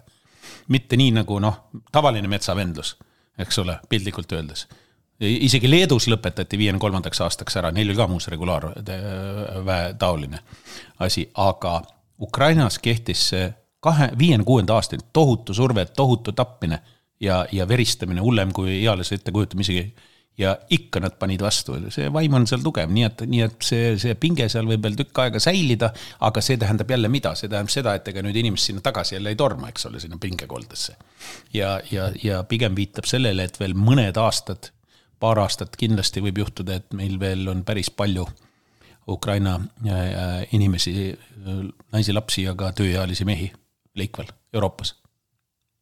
noh, see kinnisvara omanikuna tegelikult on nagu, võiks olla nagu hea, et äh, tähendab seda, et äh, rahvastiku arv kasvab ja ja nõudlust on ja viib hinnad ja kõik üles, aga teistpidi jälle jah, et, et kui hetkeliselt nüüd tekib mingi äh, mingi auk, kus äh, tööjõudu on vähem, äh, siis see omakorda jälle avaldab mõju kõigele sellele, mis siin järgmiste aastate jooksul turul nagu nii-öelda kinnisvara pakkumises ja kõiges selles üldse nagu toimub no,. täna see, juba on ju defitsiit. just, ja teine pool asjast on ju see ka, et noh, et see rahvas valdavalt siiski ei ole võimeline, eks ole, omanikuks hakkama. see on siis, see on üürituru äh, uus, uus arengupotentsiaalne võimalus, aga noh, samal ajal no praeguse üürituruga arvestades ei ole üldse kindel, et see pehmelt ja mugavalt läheb noh, siin on küsimus lihtsalt selles jah, et, et kui see seltskond nüüd äh, mingi hulk rahvast Eestisse, Eestisse tuleb, et, äh, et jah, milline see, see nii-öelda maksevõime ja kõik see pool on, et kuhu siis Eestis nad ennast äh, üldse nagu paigutavad, et, et kui Tallinna hindadele nagu ja elustandardile hammas peale ei hakka, siis tuleb ju kuskile mujale minna. Siim tulevad Vaidasse. noh, nii on jah et sina näed sellist nii-öelda potentsiaali, et näiteks just need suurlinnade, Eesti mõistes suurlinnade või tähendab, mitte siis suurlinnad, vaid need maa, maapiirkonnad, väiksemad endised kolhoosikeskused, mis muidu seisavad üsna sööti, et need võivad natukene elavneda. tegelikult ei ole see tähtis, vaid tähtis on see põhimõtte mõistmine, et, et need inimesed vajavad odavat üüripinda ja kus seda saab tekitada, sinna nad lähevad, sest neil midagi muud üle ei jää. aga teine pool asjast on, et seda tuleb kombineerida töövõimalusega. just tahtsin öelda, et noh, et ta võib kolida sinna Assamaale, on ju, aga ja. kui sul tööd ei ole, siis sõltumata sellest, et sul see kinnisvara odav on, siis ega ta sinna ei saa ju jääda, sest raha on ikkagi vaja nii et see on keeruline, aga noh, põhimõtteliselt on see lahendatav, seda on ju tegelikult ka näidanud, äh, näidanud näiteks sakslaste kogemus, eks ole, kui, kui me tahame kedagi näitena tuua. kuuekümnendad aastad türklased ja kurdid ja Saksamaa aga noh, see eeldab ka riiklikku poliitikat natukene siin appi, see ei ole päris niimoodi turu lahendatav teema, eks ole, siin on vaja nagu sellele turule tulla natukene appi. okei okay,, aga me rääkisime nendest eh, nii-öelda intressidest ja kõigest, et eh, Eestis inflatsioon on olnud eh, nüüd väga kõrge, nagu sa mainisid mis äh, siit edasi äh, selle numbriga hakkab juhtuma või juba juhtub? mina ei saa öelda, et Eestis on väga kõrge olnud, ta on olnud kõrge ajalooliselt viimasele perioodile vaadates. ma töötasin kommertspanganduse algusaegadel, eks ole, kui oli inflatsioon oli tuhat protsenti ja ka sai elada, eks ole, Eestis, nii et, nii et noh, kõik on suhteline, eks ole, aga sellel on omad eripärad sellisel elul. ja, ja ma ütleks niimoodi, et et praeguse seisuga minu prognoos võiks olla ja see on väga subjektiivne, eks ole, võib-olla mind segabki see, et ma olen hullemaid aegu näinud, siis tegelikult noh, Eestil on esiteks väga vähe sõnaõigust äh, intressipoliitikas. see on esimene asi. intressi, intressipoliitikat meil määrab tegelikult ikkagi, kuna me oleme Eurotsoonis ka, siis määrab ikkagi Euroopa Keskpank. ja Euroopa Keskpanga äh, nii-öelda trade-off põhineb tegelikult see mõttemaailmas põhinevad needsamad keskpanga väljakutsetel, mis on ka tegi, kõigil teistel. ainult eripära on nüüd selles, et kui teiste riikide keskpankadel on see vaade selline, et noh, et kuidas nüüd käituda, sõltub sellest, et nad timmivad, kui suureks lasta inflatsiooninumbrit ja kui palju on vaja hoida, eks ole, majanduskasvu. ja siis leiavad bilanssi, siis Euroopal on üks häda veel. Euroopal on võlaprobleem ja selle ebaühtlane jaotumine. olukorras, kus siis Itaalia riigivõla tase on sada viiskümmend kaheksa, sada kuuskümmend protsenti SKP-st, on intressi tõstmise korral, siin tehti mingeid arvutusi, ma isegi numbreid täpselt ei mäleta, mind oli, mul, mul lihtsalt jäi see meelde hoopis teise võrdluse pärast tüübid arvutasid välja, et intressi teenindamise peale läheb terve aastane sõjaline eelarve Itaalial et, et noh, et, et, et kui see on tõesti niimoodi, siis see on ikka väga valus. ja nüüd Euroopa Keskpank peab nüüd kokku sobitama, eks ole, prudent, nagu öeldakse, Põhjala, kus on noh, ütleme niimoodi, et eh, saaks nagu rahulikult intressi tõsta, no, mitte liiga palju muidugi, aga natuke saaks tõsta küll, midagi ei juhtu. ja siis, et nii-öelda ladinlased, kelle jaoks see on noh, täielik košmaar, mis juhtuma hakkab. ja, ja nüüd nad siis nüüd, nüüd mängivad niimoodi ja see muuseas seletab ka, miks näiteks äh, kõik vaatavad ikkagi eelkõige Fedi, mitte ainult sellepärast, et Fed on dollar, eks ole, vaid sellepärast, et Fed on oma otsustes natukene nagu klassikalisem või kui soovite ja ta ei pea seda kuradi ebaühtlast äh, asja arutama, mida kogu aeg Euroopa Keskpank peab tegema. ja tänu sellele kogu aeg maha jääma. sellepärast vaadake, mida teeb Inglise pank ja vaadake, mida teeb Fed. Fedil on äh, muidugi noh, võib-olla isegi Inglise pank on selles mõttes kõige klassikalisem, sellepärast et Inglise pank on kõige puhtam Inglise pank on klassikaline, et see ongi esimene keskpank üldse klassikalises mõttes. ja, ja Inglise panga nii-öelda intressipoliitika on nüüd selles mõttes makromajanduslikult minu arvates kõige puhtam. sest nendel ei ole neid, neid mõtteid üldse, ei, mis on ameeriklastel isegi rääkimata nendest, mis on ülejäänud Euroopal minul tekib siin nii-öelda selline väike vastuolu sinu juttu kuulates, et esiteks justkui arvestades seda nii-öelda julgeolekukriisi ja seda väljavaadet, et meil võib-olla tekib eh, järjekordne suur majanduskriis maailmas, noh, kui suur eh, või, või väike, see on iseküsimus. ja, ja teiseks, see inflatsioon on ikkagi kõrge, siis kas oleks õigem siis eh, istuda rahas või oleks õigem omada varasid miljoni dollari küsimus. mul on tõesti, mul on ka hästi kuradi paindlik vastus ja see vastus on selline, et, et äh, tuleb A teha mõlemat ja seejuures varade puhul istuda õigetes varades aga seejuures ma ei väidan, väidan seda täiesti pragmaatilistel kaalutlustel, mitte poliitilistel kaalutlustel, eks ole. tegelikult ongi niimoodi, äh, noh, stagflatsioon on ju teoreetiline mudel. On võimalik, et majanduskasv peatub, aga inflatsioon jätkub ja Jaapanis me nägime kaheksakümnendate keskpaigast, eks ole, Äh, sisuliselt on niisugune veniv asi olnud, kusjuures riigivõlga kasvatati edasi, aga see oli sisevõlg samal ajal, jälle ei olnud välisvõlg. ja, ja see tekitab niisuguse omapärase olukorra, kus elada kannatab täiesti küll, ei ole midagi hullu, eks ole. nii et ma, ma ütleks, et Euroopal on suur šanss minna sama teed aga mis need, mis need õiged varad siis on, mida omada? kas kinnisvara kuulub, kas kinnisvara kuulub sinna hulka? jah, paluks aadress ka ja, ja, ja kus võti on, kus, kus mati all võti on. no tähendab, mina, mina ei tea selles mõttes, et noh, ma arvan, et kinnisvara seisukohast noh, ühe asja ma siiski ütlesin praegu juba ainuüksi meie enda spetsi-, lokaalsest spetsiifikast tulenevalt, et noh, üüriturg peaks natukene rohkem arenema see ei ole realistlik, et selles uues maailmas, kui eriti kui veel rahatrükk massiliselt jätkub, et, et selles sellises olukorras eh, nii-öelda eh, võimekus kasvatada turgu läbi eh, omandi omandamise kinnisvaras, et see kasvaks.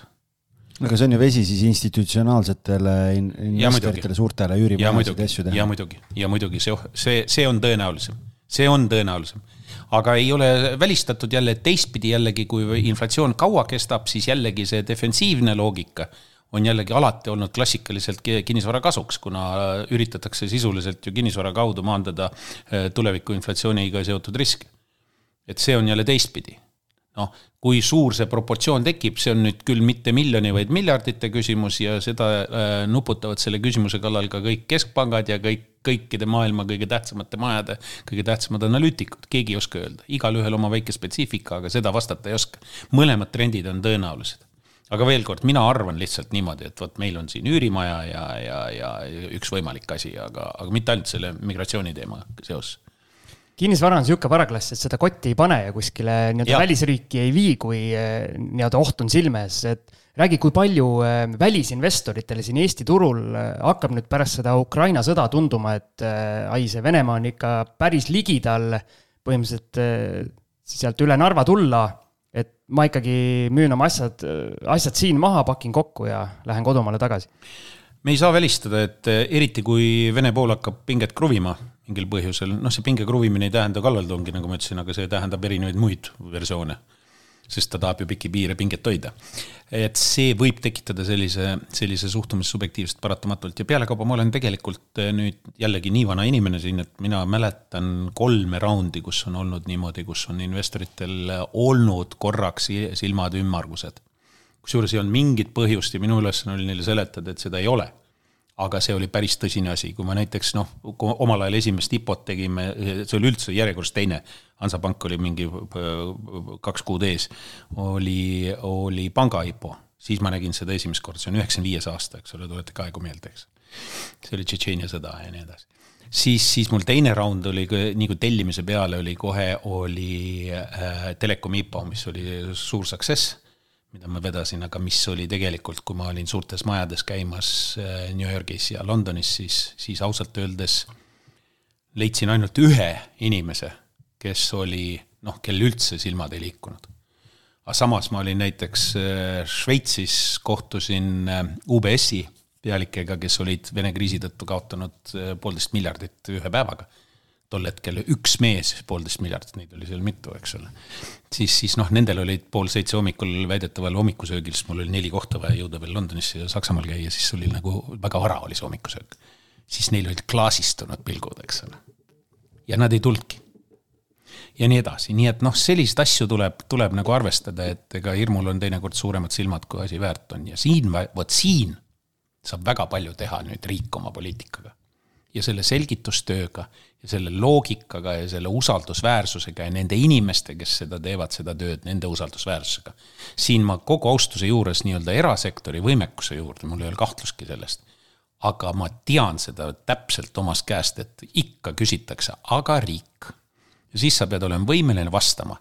aga kui sa oled ilma paguniteta, siis selle vastuse nii-öelda turuväärtus on natukene madalam peaks olema ka kõikidel pagunitega inimestel see võimekus ja sellepärast ma pean eriti oluliseks, et meil valitsuses eelkõige oleks inimesed, kellel on see võimekus olemas. kelle silm särab, kes on usaldusväärsed, see on täpselt nagu, nagu startup ides, eks ole, investori poolt vaadates. kui silm ei sära, pole mõtet midagi ette võtta, ükskõik kui hea idee, eks ole.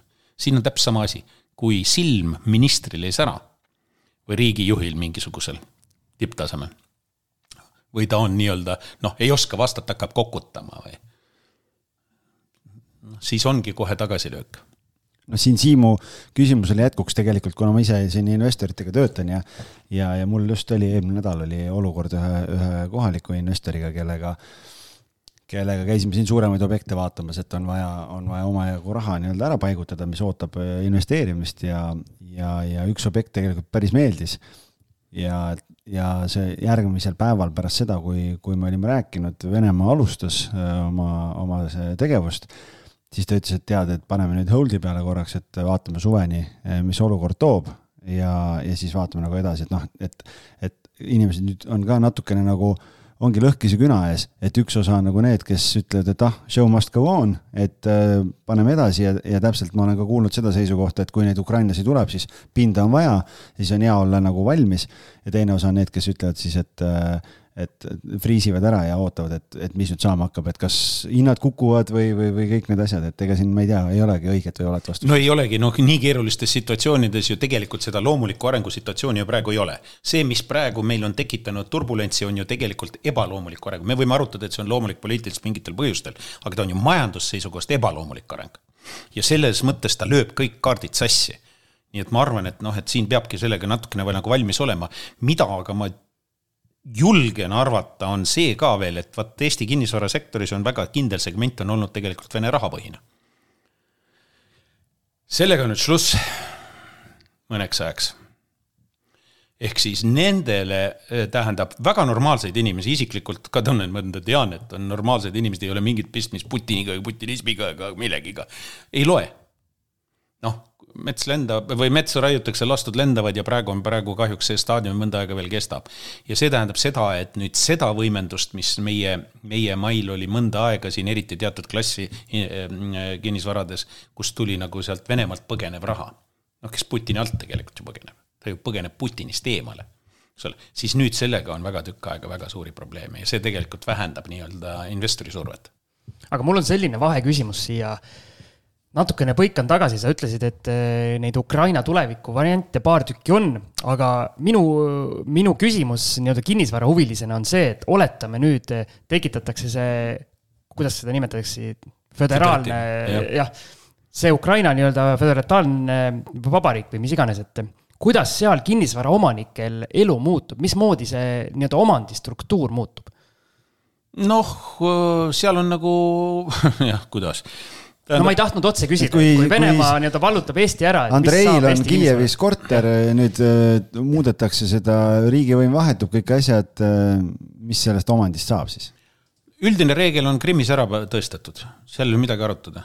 tähendab, aga seda veel omakorda segab veel natukene see no,. mis Krimmis toimus, küsin no, vahele. kohe räägin, tähendab no., seda veel segab ka oligarhid. oligarhid ja Ukrainas on oligarhid ja, ja suured nii-öelda majandusgrupi huvid ehk siis tegelikult minu nagu kontseptuaalne lähenemine on selline, et kui jääb venelaste võim, siis see on, see on omandi ümberjagamine automaatselt. seal ei isegi arutada midagi. see on ajalooliselt sisse programmeeritud, Vene ajalugu on minu lemmik. ma võin teile loenguid pidada, isegi mitmepäevaseid. nii et olen isegi teinud mõnda asja küll majanduskallakuga, nii et, nii et tegelikult see on nüüd paratamatus. kuidas see täpselt hakkab väljenduma, hakkab veel sõltuma ja nüüd Krimmi juurde tagasi tulles, Krimm oli nii-öelda trial siis Krimmi trial on selline, et praktiliselt kogu Krimmi äh, see subtroopiline rannik on tänaseks ümber jagatud. mõned tükid jäeti kohalikele bandiitidele, kes praegu esindavad riigivõimu seal. veel natukene esindavad, peaaegu mitte enam. ja midagi on seal sõjaväel, aga kõik ülejäänu on ümber jagatud.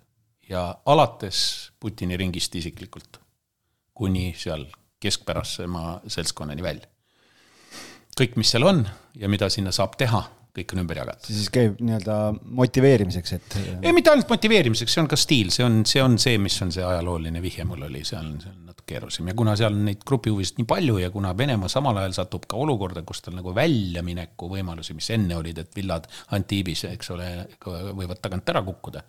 no midagi ei ole teha, siis tuleb kenad kohad leida lähemalt, eks ole ja, ja, ja see on nüüd kindel, et sellisel juhul läheb Ukrainas täpselt samuti ümberjagamiseks ja nüüd, miks ma oligarhi nimetasin, sellepärast et seal vastas on, eks ole, noh, nii-öelda lihtsamad vastased, äh, kelle käest ära võtta midagi, mis iganes stiilis. ja keerulisemad, eks ole. no näiteks äh, Tõnis Paltsi kuulsusrikas epopöa, kus talt võeti, eks ole, asjad ära, sellepärast et seal oli võimalik mängida sellega, et Vene sõjaväe äh, asi oli seotud. sõjavägi, siis ei tohi midagi olla ja võeti ära lihtsalt sisuliselt, konfiskeeriti seal kümme miljonit. Suurusjärgus võib-olla rohkemgi, ega ma ei tea, ma pole Tõnise käest küsinud, aga ma arvan, et ta sai väga valusa äh, õppetunni, aga see on tegelikult klassika Venemaal, ma võin tõia palju näiteid, ma töötasin kunagi Pakk terminalis, mis oli hollandlastega kaasfirma, kus, kus nendel oli terminal Kaliningradi oblastis. tegu on maailma suurima independent storage ja logistics facility'ga, üldse. noh ja, ja, ja nende terminal, mille nad tegelikult äh, olid võtnud, noh, mingi vana Vene, Vene mereväe äh, viletseisus naftabaas, mille nad tegid äh, prillikiviks ja kõik töötas ja see võeti neil lihtsalt naturaalselt käest ära, ühel heal päeval tuli dekreet, et on sõjaväe piiri, sõjaväe kõrval asuvad objektid on sõja, sõja, riigi omand ja jutul lõpp.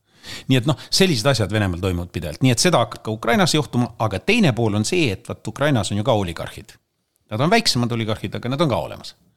ja noh, nende käes on ju Ukrainas märkimisväärseid objekte ja, ja noh, ütleme niimoodi, et nad ka sisuliselt on mitmed suured tööstuslinnad Ukrainas on sisuliselt oligarhide juhid, juhitavad ja nii edasi.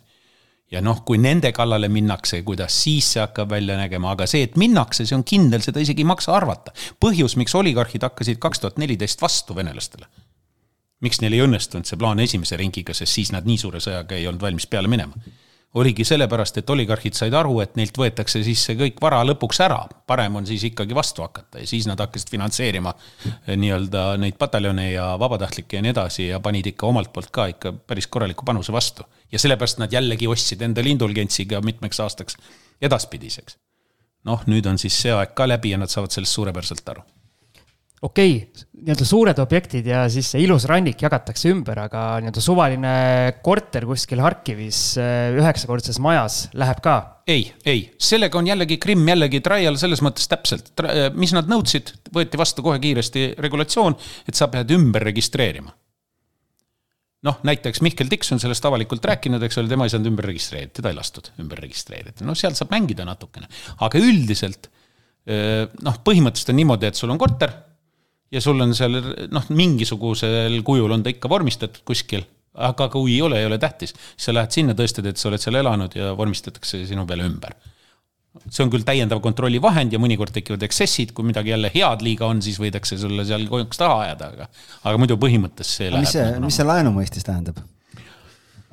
no laenurisk on ju väga kõrge. ma mõtlen, et, et sellel, sul ongi seal Harkivis on korter ostetud, sa pead selle nüüd ümber registreerima, siiamaani sul oli seal mingi laen ja, ja, hüpoteeki asjad, et kui nüüd toimub see ümberjagamine või ümberregistreerimine, siis, siis äh, enam laenu maksma ei pea. aus vastus on, et see sõltub äh, lahendusest. kui vastav laenuandja jääb töötama sellele territooriumile, siis kindlasti midagi andeks ei anta. võib isegi asi halvemaks minna, kui venelastel näiteks sanktsioonide tõttu on äh, kogu nii-öelda krediteerimise poliitika oluliselt kallima kallimal tasemel. ja kui on, kui ei jää, kui ei jää, vot siis võidakse seda teha, ehk siis lihtsamalt öeldes, kui, kui äh, mingi pank X, privaatpank näiteks äh,, Ukraina puhul äh, suurim, kui, kui ta näiteks jääb nii-öelda äh, lääne poolele ja Vene poolel ei tööta, mis on väga suure tõenäosusega nii, siis sellisel juhul noh, siis öeldakse, et noh, siis on nende probleem, eks ole, siis nad, las nad siis keeravad kahjumisse selle. nii aga, et see on väga erinev aga kui otsene sõjategevus lõpeb, mis juhtub äh, seal Ukraina kinnisvaraturuga? venelaste kontrolli all oleval alal äh, kõik arendus ja ehitus, mis on uus või taastamine, läheb äh, ainult teatud soodustatud suhtumisega majandushuvigruppide kätte. on need seal Rotenbergid või mitte, ei olegi tähtis, need võivad ka väiksemad vennad olla, aga see läheb kõik sinna ühesõnaga, kui sa oled ideoloogiliselt õige mees. ei, isegi mitte seda, ei pea olema ideoloogiliselt, sa võid arvata kodus köögis mida arvates Putinist ja tema võimust, sa ei tohi seda välja näidata ja sul peab olema käsi sees äh, võimude juures ja soositud mingil kujul. ja Venemaal on selline kohort, neid on kolm taset, selliseid firmasid on hästi suured ja nii-öelda Putini isiklikud sõbrad, neid ei tohi üldse keegi puutuda. siis on teine tase kelle puhul on teinekord ümberjagamine käib, no näiteks väheteatud asi Eestis, kõik, mis seondus endise Vene raudtee juhtkonnaga ja nüüd juba ka järgmise Vene raudtee juhtkonnaga, kõik nende nii-öelda tugisüsteemid, kus, kuhu raha pumbati, ehitus, tohutud rahad ju raudteele, ehitus need on kõik ümber jagatud praegu Rotenbergidele. nii et noh, siuksed asjad toimuvad, aga, aga, aga ja siis on kolmas tase, kes on siis siukse väiksemate ülemuste sõbrad või nende esindajad. väga tihti on Venemaal ka niimoodi, et riigi esindajad on kaasomanikud, et mitte öelda võtmekontrolli omanikud ja, ja, ja nende kätte läheb see kõik, see kõik mängitakse neile. ja siis võib-olla antakse peoga siis kellelegi veel kohalikule, kes kollaboreerub, eks ole. aga noh, väljast tuuakse ainult know-how'd mitte mingil juhul ei lasta tegelikult meepoti juurde, ehk tegelikult noh, raha teenimise koht ikka põhiliselt on ikka see omade käes peab olema, see on klassika aga kui me taas äh, võtame selle vaate selle nii-öelda väikse ukrainlase juurde, kellel ongi see üks korter Harkivis üheksakordses majas, tema tahab seda müüa, mismoodi, äh, kas nii-öelda meie, meile loogilisena tunduv äh, nii-öelda kinnisvaraturg sellises olukorras ikkagi toimib või ei toimi, mis on need hinnad? Noh, eks ikka toimib, noh, ega tegelikult ju Venemaal on ju ka kinnisvaraturg ka praegu ja on ka tulevikus.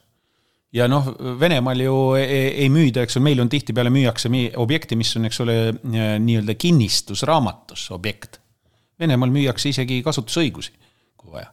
nii et see ja nõukogude ajal muuseas müüdigi ainult kasutusõigust ja vahetati ka ja ka praegu, kui te lööte Vene lehed lahti Venemaal praegu, siis noh, ja Ukrainas ka muuseas, ei ole sugugi kõik ainult müügi- ja ostukuulutused, on ka näiteks vahetan.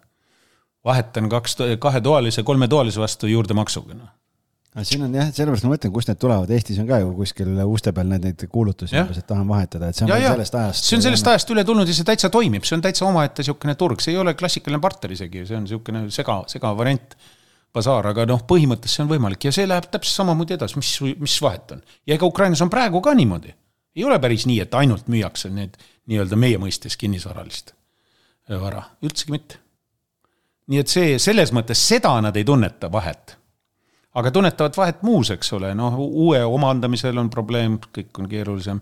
Äh, selle omandikindluses on probleem eks ole, ja ka müügi puhul noh, sa ei tea kunagi, eks ole, mis, mis, mis, mis, millega sind võidakse veel üllatada.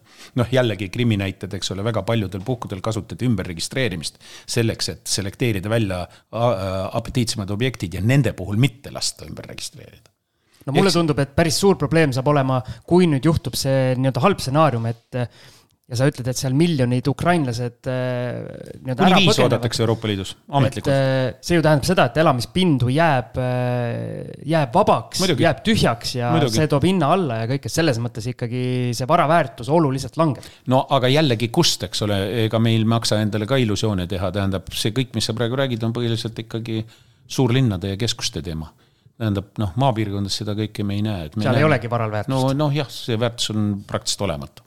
suurlinnades ja eksklusiivsema vara puhul jah, aga see, see võib olla tõsi. aga see on, see on üks osa ainult ja see on tõenäoliselt ikkagi väga proportsioonis mingisugune, võib-olla kümme protsenti, mitte rohkem. nii et ei ole väga, väga selline vikerkaareline see, see, see selles mõttes ka kinnisvaraturu jaoks seal toimuv. ainukene, kes võidavad, on nii-öelda taastamises osalevad ehitajad ja need, nagu ma ütlesin, saavad olema Vene kontrolli all. väga morbiidseks läks see lõpp. ei ole morbiidne, see on, see on, see on tegelik elu, noh, selles mõttes, et see, me, me, me ei peaks ju ennast petma, noh, ja, ja minu meelest on õiglane öelda, et et meile see põhiliselt, see Ukrainaga seotud kriis lööb läbi sellise võimaliku hirmu äh, või teatud ebakindluse faktori investorite poole peal. pluss lööb läbi panganduse seoses sellega, et meil läheb äh, äh, nii-öelda kinnisvara jaoks läheb raha kallimaks. objektiivsetel põhjustel, mis meist ei olene tegelikult. kõik muu jääb ikka paika, selles mõttes ei, ei ole nagu, nagu, nagu niisugust mingit dramaatilist muudatust. Ukraina puhul väga paljud asjad isegi jäävad ka paika, aga mõjud on suuremad kas meil jäi täna midagi puudutamata seoses kas siis Eesti või, või lähipiirkonna kinnisvaraturuga, mida, mida sa tahaksid rääkida? No ma ei tea, kas mul, kas, kas, kas, kas on midagi, võib-olla ega siis noh, tegelikult ma ütleks optimistliku noodi peal nagu lõpuks, et, et ega siis eh, kõikides kriisiperioodides läbi ajaloo on enam-vähem inimesed käitunud kahte moodi. ühed on otsinud just nimelt refugee'i ehk siis nii-öelda kindlust ja, ja teatud mõttes eh, just nimelt landbanking us, eh, kinnisvaras ja nii edasi, siis kui nad on lootnud, et nii-öelda keskkonnas muudatused, mitte poliitilise võimu, vaid juriidilises ja elukorralduslikus keskkonnas muudatust ei ole dramaatilist. ja, ja teised on ikka olnud niivõrd palju nii-öelda hirmul või kartuses, et nad on siis pigem püüdnud selle nii-öelda muutuse eest kuidagi põgeneda. nii et tegelikult ongi nüüd küsimus meis, eks ole, kui kindlad me oleme selles, et tegelikult need keskkonnatingimused ei muutu või mitte. ukrainlastel seda valikut väga palju ei ole, neil muutub meil õnneks on teine olukord, me oleme ikka tegelikult ikka ju, ju, jube hästi on meil läinud. olles selle, nendes protsessides üle pea sees omal ajal võin kinnitada, et ei ole midagi häbeneda, meil on ikka kuradi hästi läinud. leidsin oma vana kõne üheksakümne teise aasta, ma olin kaitseministri ülesandetes, üheksakümne teise aasta alguses pidasin Soome kõrgemas sõjakoolis konverentsil kõne. ja küsimus oli, kas Eesti saab NATO-sse. ja ma tunnistan ausalt, et mina ei uskunud, mina ütlesin, et ei saa, üheksakümmend kaks jaanuar et ei saa et NATO-sse meid ei võeta, Euroopa Liitu võidakse võtta ja NATO-sse ei võeta, et me pea, see, jääme mingisse neutraalsuse limbosse. ja, ja, ja siis tundus see kõiki asjaolust tol hetkel arvestades õige hinnang. ei ole midagi häbeneda, aga vaata, kuidas elu pööras, eks ole. ja nüüd on hoopis soomlased need, kes ütlevad, miks nad omal ajal seda ei teinud ja nüüd, miks nad seda tahavad teha. aga me oleme juba seal kohal. aga ma küsin su käest lõpetuseks seda ka, et mis on sinu kõige realistlikum hinnang, kuidas see nii-öelda terav ja akuutne konflikt seal Ukrainas äh, lõpu saab ja mis on see nii-öelda ajamäärus, millal seda võiks oodata?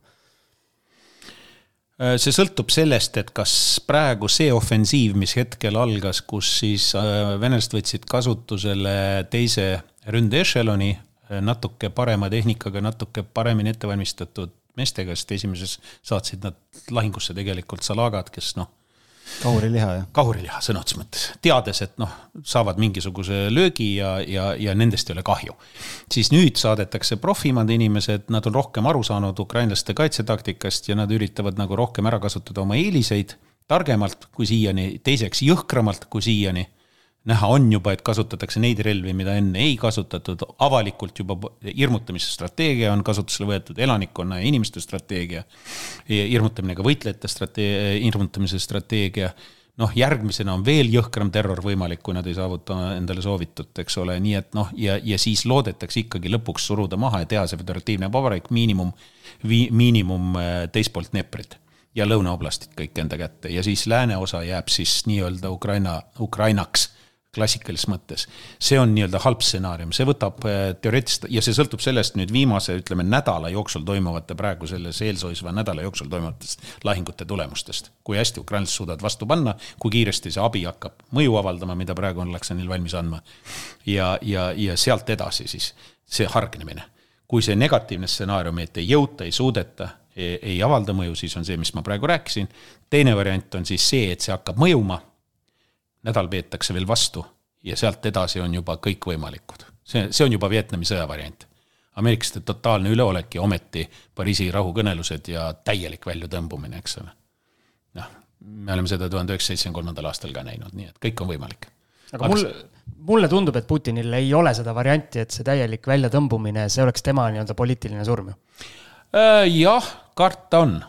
see surm võiks enne, kui poliitiline saabuda päris surm aga noh. teda vist ei ole loota. ei ole, ei ole juba ja eks ta see punkris istumine ei ole olnud üldsegi ainult selle viiruse pärast, millest tavaliselt räägitakse, tal on tervis käest olnud ja ta on kartnud enda pärast.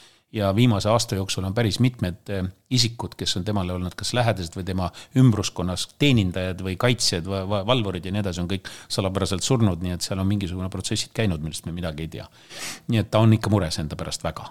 nii et ta on selle eest hoolitsenud, istub praegu Uuralites Uurali punkris, mis on siis viimase päeva punker, aga põhjus on just selles, et kui Moskva, Sotši ja teised residentsid on kõik liiga accessible, liiga, liiga nii-öelda liiga palju inimesi on sellega seotud, teenindajaid liiga lähedal igasugustele keskustele ja nii edasi, siis seal ollakse äh, mäe sees täiesti sellises olukorras, kus noh, seal on ülikontrollitud ja ülikauge nii-öelda ja ülivähese hulgaga, juurdepääsu hulgaga inimeste kogum, kes tema ümber on, seal on julgem olla, nii et ta kardab enda pärast, fakt aga noh, see tähendab ka ühtlasi seda, et ega sinna keegi ka juurde ei pääse.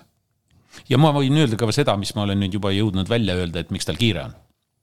ja miks ma kardan, et ta kasutab nii-öelda võimalikult jõhkrat varianti ukrainlaste mahasurumiseks ja nende, nendelt nii-öelda noh, sõjas piltlikult öeldes võidu saavutamiseks iga hinnast ja miks see nädal ongi oluline. sellepärast, et, et kui vaadata ajatabelit siis see föderatiivne vabariik ja kõik see plaan, mis venelastel on kogu aeg olnud ja mis nad nüüd üritavad jõuga realiseerida, selle plaani teostamiseks, pikk jutt, poliitikasse see kaldub, aga selle, uskuge mind, tehniline teostamine ei piirdu ainult sellega, mis juhtub kohe, vaid sellega, mis sellele järgneb. ja kogu see tsükkel kokku võtab aega umbes pool aastat see on täiesti paratamatu, nad tahavad referendumit teha, nad tahavad valimisi teha seal noh, nagu Krimmis pe, pe, petuvalimise, kõik, ikka see kõik kokku, administratsioonid paika, kõik see võtab aega kuni pool aastat. pool aastat ja veebruarist pool aastat paneme otsa ja me saame praktiliselt selle aja, kui ta saab seitsekümmend. ja muuseas, seitsmes oktoober on seitsekümmend ja äh, Putinil ja ja, ja mulle tundub, et ka see Nõukogude Liidu sajas aastapäev, Nõukogude Liidu loomise sajas aastapäev, mis on kahekümne üheksandal detsembril on ka veel üks asi, mis silmas pidada. sest Kremlis on sümbolistikal on ülisuur tähendus, ülisuur, me ei anna endale aru, kuivõrd müstikad nad seal on, nii nagu olid äh, natsid müstikud, täpselt samamoodi. tegu ongi ju sisuliselt natsidega, lihtsalt teise sildi jälle, teise keelega ma lihtsalt siia meie kuulajatele tahan öelda, et kui Raivo rääkis, et järgmised nädal aega nüüd määrab ära, siis saade läheb äh, üles äh, peaaegu nädal hiljem peale salvestust. aga no siis see nädal ongi otsustav, mida no,, mida tegelikult me ei näe. mul oli tegelikult saate. plaan välja pakkuda, et võib-olla erandkorras paneme selle saate juba salvestuspäeva järgsel päeval välja ja siis jätame ühe esmaspäeva lihtsalt vahele. okei okay,, see on ka hea mõte, et praegu see on nii aktuaalne, et, et jah. ja, et ütleme siis välja, et äh, saade on salvestatud. Äh, esimene märts on täna. esimene märts jah, ehk siis väljatuleku päevaga võrreldes eile. ehk siis üsna, üsna päevakajane info. väga hea aga igal juhul suur tänu sulle tulemast, et ma ütlen, et äh, nii huvitav kuulata, nii noh, raske teema ja, ja, ja, ja nagu noh, nii emotsionaalselt kui üldse nagu, et, et ikka paneb elu peale mõtlema ja, ja tuleviku peale mõtlema ja aga, aga sind on nii huvitav kuulata alati, et, et võiks vabalt teise samasuguse saate veel teha, aga, aga ma loodan, et, et siin need inimesed, kes on siis kas väga hirmul olnud või, või kuidagi teadmatuses, et mida siis nagu edasi teha, et said mingid vastused oma hirmudele ja küsimustele, mis neil olid aga mul lõpetuseks hästi nüüd lühike küsimus, lühike vastus, mida üks eh, meiesugune tavaline Eesti inimene nii-öelda peaks tegema, et mitte liiga paanikasse minna ja siis võib-olla kuidagi siis Ukrainat ka aidata omal väiksel moel? kaks asja, esiteks, eh, esiteks peaks mõtlema selles mõttes, et elu läheb igal juhul edasi. nagu ma ütlesin, siis see kõige halvem variant, Armageddon jääb igal juhul ära, eks ole. ja, ja see annab teatud hingerahu kohe ja asja ajada nii hästi, nagu oskad, mida sa oled siiani osanud ja teinud. ja mis puudutab abistamist, siis abistamise mõttes on kõike, kõike on vaja, praegu väga intensiivselt abistatakse meditsiiniliste ja igaste muude asjadega, on vaja abistada, kui inimesed siia hakkavad jõudma Ukrainast, on vaja abistada relvadega, on hakanud inimesed sinna tilkuma lääne poole pealt ka lausa otse sõdima, mitte ainult ukrainlased, vaid ka teiste rahvaste esindajad kõik variandid on inimesest endast kinni, mida ta otsustab, mida ta teha tahab, aga fakt on see, et Ukrainas on tegelikult, kahju seda öelda, nad kannatavad selle nimel tohutult, aga ne-, seal on tegelikult meie kaitserinne. sellega on, ma arvan, väga hea lõpetada. just, et andke oma panus siis ja kohtume järgmistes saadetes, aitäh sulle, Raivo! head saadet toetab Estate Guru, Mandri-Euroopa suurim kinnisvaraga tagatud laenude investeerimisplatvorm. liitu ka sina enam kui saja kümne tuhande Estate Guru investoriga ja saad lähitulevikus oma investeeringutelt rahuliku südamega stabiilset tulu nautida. vaata lisa estateguru.co